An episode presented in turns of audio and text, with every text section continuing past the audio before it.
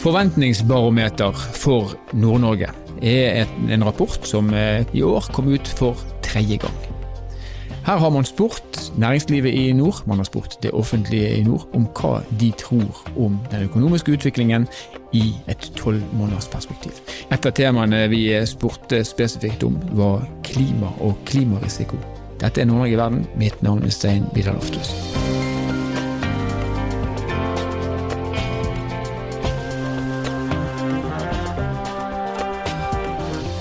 Under lanseringen av Forventningsbarometeret i Bodø hadde vi med oss eh, administrerende direktør Rikard Larsen fra Dal Fiskeri og administrerende direktør Tore Mosan fra Nordland Betong til å reflektere litt rundt det som har med klimautfordringene og klimakravene å gjøre.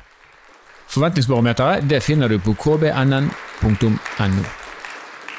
Vi skal snakke om klima. Og når vi snakker om klima, hvis jeg starter med deg, Tore, så deler man det inn i fysisk risiko. Eh, som er da på en måte det man direkte treffes av. Flom eller jordskred eller eh, sånne ting. Og så snakker man om overgangsrisiko, som er mer det man blir på en måte pålagt å gjøre for å demme opp for den eh, fysiske risikoen.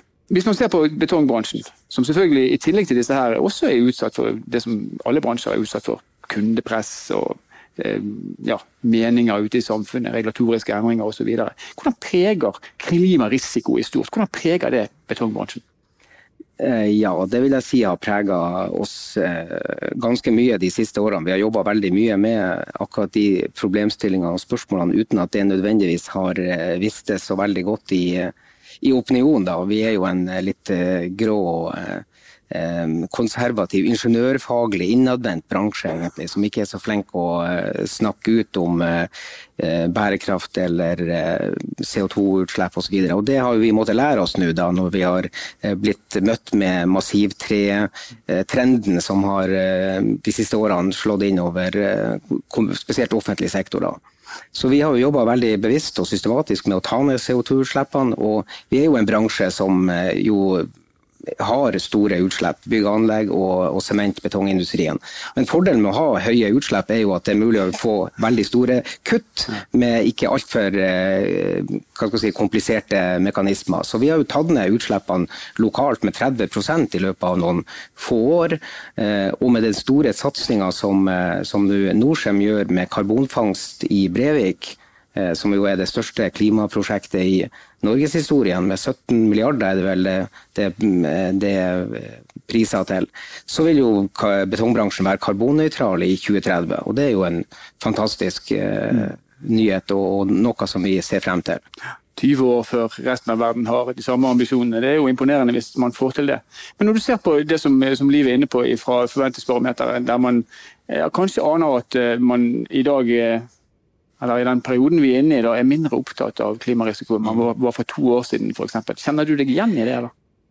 Ja, det kjenner jeg meg igjen i. Og eh, det tror jeg er et resultat av at vi, spesielt i Nord-Norge, er små og mellomstore bedrifter. Eh, det er veldig stor, få store aktører. Eh, det vil si at den administrative kapasiteten i de ulike bedriftene er begrensa. Og når da pandemien kommer og tar liksom 70-80 eh, av kapasiteten i forhold til å håndtere de, den usikkerheten og de endra lovene og reglene og forskriftene eh, og, og markedsforventningene, så, så, blir bare rett og slett kapasiteten eh, for liten totalt sett til å kunne jobbe med klima på samme måte og ha det like høyt i, i oppmerksomheten som man hadde tidligere. Så det, det, kjenner jeg meg igjen i. Men Er det grunn til å tro at eh, fokuset på pandemien har gjort at man har på en måte skjøvet ting til sides en stund? eller? Det tror jeg vi har måttet gjøre, rett og slett. Av kapasitetshensyn. Og for å overleve og for å liksom, håndtere det som er tross alt viktigst. Og det er jo ja, trygge arbeidsplassene og sørge for at uh, hjulene går rundt. Og Når vi nå skal over i en mer normal fase igjen, og man da kan anta ut ifra det som du, du sier, at, at, fokuset vil kanskje komme sterkere tilbake igjen, da, eh, så ser vi at kravene eh, som stilles til alle bedriftene, eh, de blir bare skarpere og skarpere. Nå kommer EU-taksonomien, og vi vet at det kommer til å bli masse rapporteringskrav osv. i den tiden som kommer. Og Nord-Norge er masse små og mellomstore bedrifter som du er inne på, med, der man ikke har satt opp sin kapasitet for, for å ivareta dette. Kommer det til å gjøre noe med, med altså Kan det påvirke resultatene deres i, i stort? Ja, altså jeg er jo litt bekymra for, eh, for, den dimensjonen av de eh, forskriftene og, og taksonomien og, og reguleringene. og jeg er frista til å si, eh, selv om du er på live TV nærmest, at veien til helvete er brolagt med gode forsetter. Så eh, det er jo noe med at det, alle nye krav gir mye rapportering, mye administrativ håndtering i bedriftene, og det er allerede enormt som håndteres av rapporteringa. Og vi ser ikke så positivt på å bli pålagt enda mer rapportering som ikke direkte fører til eh, økt verdiskaping, sånn som vi ser det. Vi skjønner eh, så intensjonene er gode, men det er noe med mengden og, eh, og håndteringa av liksom, det praktiske rundt det. Ja. Så For små bedrifter så er det ikke bare klima, klima i seg selv som er en trussel, det er faktisk kravene også for å kunne overleve. Ja, Det blir interessant å se hvordan det utvikler seg. Det ser jo foreløpig ut til å gå i bare én retning. Eh, Rikard, fiskeri. Jeg har lyst til å stille deg egentlig det samme spørsmålet. Har dere tont ned fokuset på klima i pandemiperioden? Uh, nei, det vil jeg vel egentlig ikke si. Uh, vi har ikke merka så mye til den pandemien uh, som mange andre har. tvert imot så har vi sett at markedene har blitt bedre.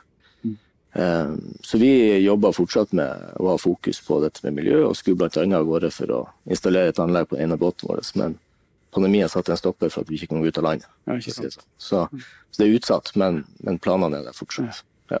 Men dere lever jo av eh, det som man kan tenke på som evigvarende ressurser, i hvert fall hvis man forvalter det, eh, det riktig. Eh, på hvilken måte innarbeider dere disse her hensynene i deres styringsstrukturer? Eh, ja, du kan si Det er jo to dimensjoner. altså I forhold til bestand og, og bærekraftighet på den, så har jo vi et forskningslag som, som hele tida er ute og ser hvor mye fisk det er i havet. Mm.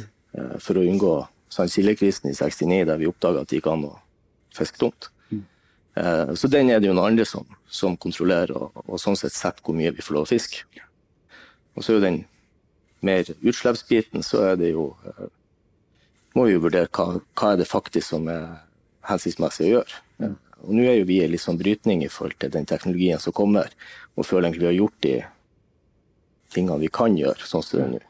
Og så er det å avvente litt for å se teknologien, og ikke minst vente for det store store investeringen som gjøres. Da snakker vi nye båter. Ja, for dere, har to store båter, i hvert fall så vidt jeg kunne se fra nettsiden deres. og En av de er fra begynnelsen av 2000-tallet, en er fra 2015. Ja. Eh, og jeg antar det ikke er verken LNG eller, eller hydrogenfartøyer. Eh, den, den, formen for det, Når du sier at vi må skifte ut båtene, så er det, det er noe som dere da allerede har begynt å planlegge, for dere aner at det kommer til å komme krav som, som tilsier at dere må gjøre det? Ja, altså Kravene eh, begynner vel egentlig å komme i form av kostnader for utslipp.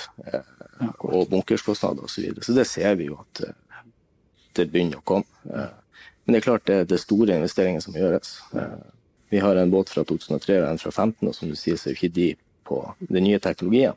Men nå begynner det å bygges båter både på, på eh, hybridelektrisk og, og, på gass, som du sier. Så eh, forhåpentligvis så vil vi jo se litt fremover hva er det som er hensiktsmessig å velge av de ulike driftsformene. Klart Vi er langt ute i havet, vi er utenfor helikopterdekning utenfor Irland. så da må vi kunne stole på, på verktøyet. Mm. Rekkeviddeangst på rekkeviddeangst. båter i det åpne havet. Det er ikke noe man skal leve for lenge med. Det er en ting som jeg har lurt på, det er jo dette med, altså Man snakker jo om, eh, man snakker om at havet blir varmere. Eh, og Det gjør at fiskebestandene flytter på seg. Man finner ikke de der med, Før Norge er redd for at mm. torsken skal stikke til Russland. Eh, man snakker om plastforsøpling i havet. Og alle, eller De aller fleste av oss her i hvert fall, vi sitter på kontor og hører om dette og leser om det. Men dere som er ute og har båter ute, ser dere disse endringene? Det er, det er, vel tidlig å konkludere om vi ser dem. Eh, du kan si Forskerne de har sin sti de følger. Eh, og den følger de år etter år etter år. Eh, og det er jo nå en liten mismatch mellom hvor fiskerne mener fisken står, og der forskerne går. Om det er for et naturlig vandringsmønster, eller om det er for det faktisk flytter seg, det er jo vanskelig å si. Men vi skal ikke se bort ifra det, i hvert fall at det er klimaet og varmen som gjør at, at det endrer seg litt. Kanskje dere ender opp med å fiske på en helt annen fiskesort enn dere historisk har gjort. Det, ja, i hvert fall en helt annen plass kanskje enn vi har gjort. Ja, det vil fremtiden bare vise. Men moderat optimisme fra det jevne næringslivet i Nord-Norge. Dere representerer to bransjer som kanskje i mindre grad har vært direkte berørt. Hvordan er, det, er dere med tanke på fremtiden for Nord-Norge? Nei, Jeg må jo si meg positiv på det. Vi er jo, iallfall innenfor den bransjen som, som jeg representerer, fiskeri og ikke minst havbruk også, så er vi jo kjempestore. Og verden må ha mat, verden må ha proteiner. Og er det noe som er miljøvennlig, så er det jo nettopp fisk. Og der er jo vi også litt sånn i tråd med betongbransjen litt innadvendt kanskje, og ikke tydelig nok på det. Men pelagisk fisk, altså sild og makrell, det er jo den absolutt mest miljøvennlige fisken som du kan få på bordet. Eh, og det er jo ikke tydelig nok på i markedsføring, så, så, det burde vi absolutt bli. Det var nytt for meg òg. Viktig å løfte frem. Fikk jeg sagt det her i dag. Verden må ha fisk, og verden må ha betong. Ja. Så vi er positive. Eh, og det er jo store infrastruktursatsinger på gang i Nord-Norge, med både flyplasser og eh, ja, veibygging. Så vi er, vi er, ja, vi er ganske optimistiske på, på fremtida. På vegne av både bransjen og Nord-Norge generelt. Nydelig å høre. Tusen takk til Rikard Larsen og Tore Mosan.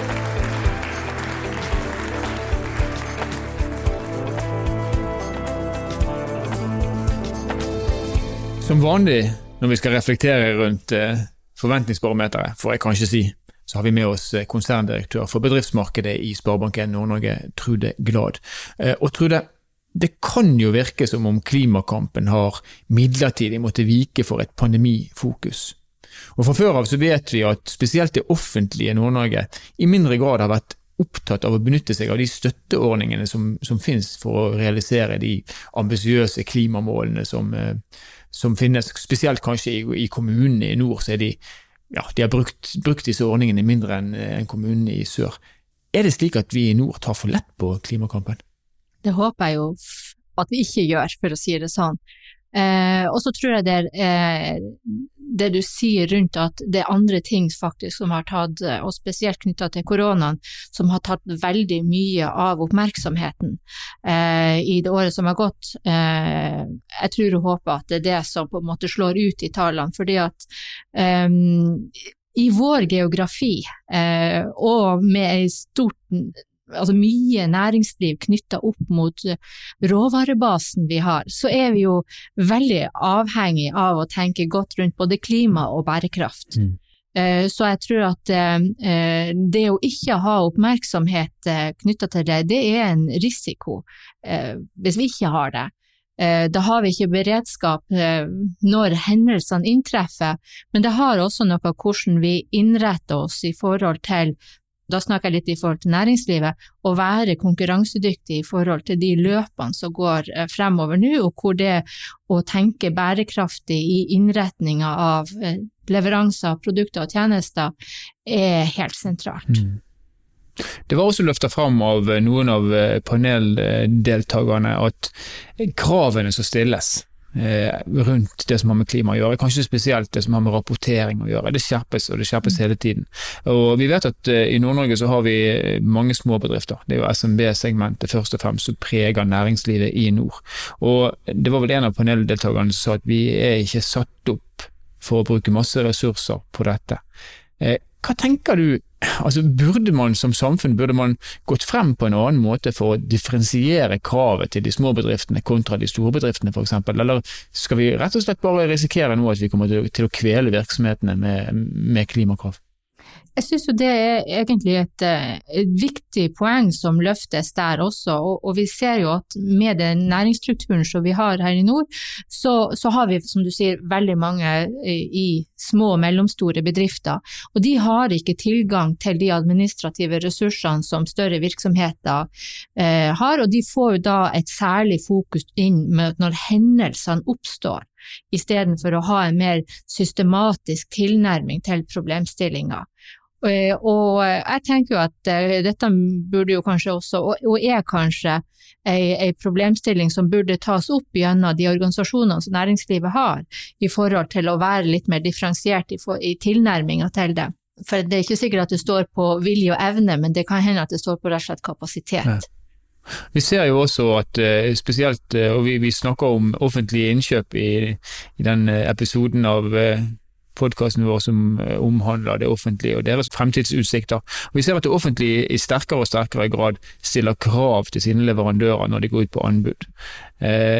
Og vi har en underskog med bitte små eh, eh, leverandører i Nord-Norge. Eh, er det fare for igjen at vi på en måte albuer ut våre egne og baner veien for at de større aktørene som har system på, på, på klimaregnskapet sitt, at de kommer til å bli vinnerne, tenker du? Jeg tenker i hvert fall det er en problemstilling som man skal være obs på, også i forhold til at hvis det er systematisk at størrelse blir viktigere enn det å levere innhold og gode løsninger så er det jo en problemstilling å, å være obs på.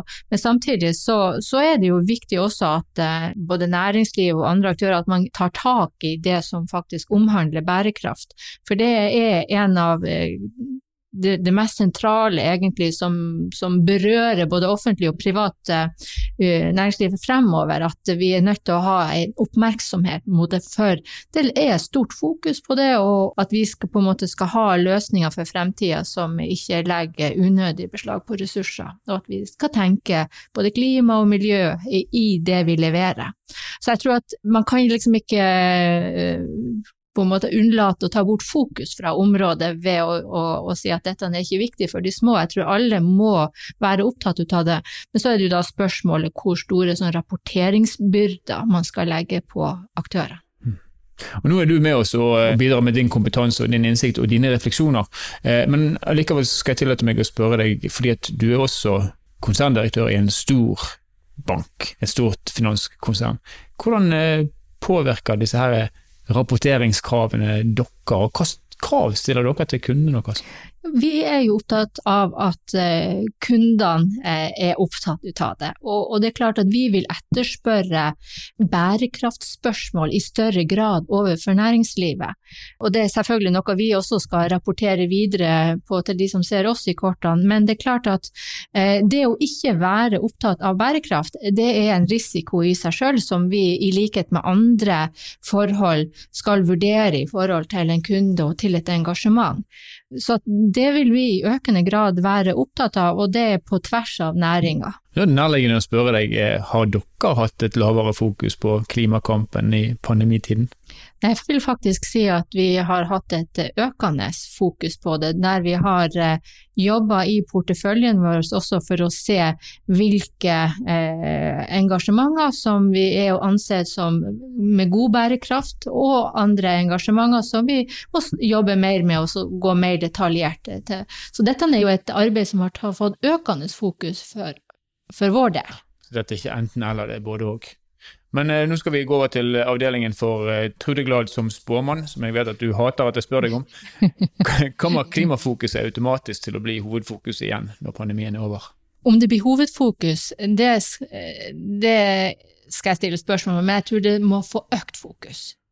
Og det handler også om at dette er på dagsorden både til altså, regulerende myndigheter, i forhold til næringslivsorganisasjoner, i forhold til kunder, i, i forhold til Og det snakker jeg både uh, offentlige innkjøpere, det handler om private innkjøpere. og Det å vite at de produktene og leveransene som går inn i en, en verdikjede, at de har et bærekraftstempel på det. Det kommer vi ikke unna. Så jeg, jeg tenker at det vil få økende oppmerksomhet. Tusen takk for at eh, du kunne være med oss, konserndirektør for bedriftsmarkedet i Sparebank1 Nord-Norge, Trude Glad.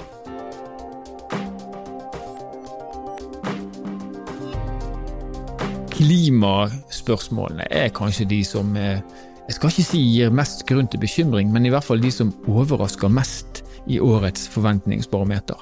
Der man tidligere har vært eh, gjennomgående veldig opptatt av klimakampen, så virker det som og kanskje ikke er det lenger. Og så er jo kanskje håpet da at det her er ikke et, eh, et tegn på at man ikke syns klima er viktig, det er bare det at det har vært noe annet som har vært viktigere i en periode, nemlig pandemien. Og så er Trude inne på eh, noe viktig, og det var også noen av paneldeltakerne våre inne på. Kravene til rapportering, kravene til eh, tilpasninger for å imøtegå klimaendringene. De begynner å bli voldsomme. Og for et nordnorsk næringsliv som preges av mange små bedrifter som ikke er på noen som helst måte satt opp med ressurser for å kunne svare opp alt dette, så kan det være en trussel i seg sjøl. Så her må vi eh, stå sammen, finne gode metoder og gode måter på, på å mestre de kravene som kommer. Det blir helt nødvendig, fordi at eh, vi kommer oss ikke unna at både i anbudskonkurranser og for så vidt også i mange andre sammenhenger, så stilles det krav om at man skal ha en god plan og en god beredskap mot det som klimakrisen bringer med seg. Nord-Norge i verden er en podkastserie som er produsert av Sparebank1 Nord-Norge i samarbeid med Helt Digital. Musikken du har hørt er laga av Emil Karlsen. Mitt navn er Stein Vidar Loftaas. Vi høres igjen i neste episode.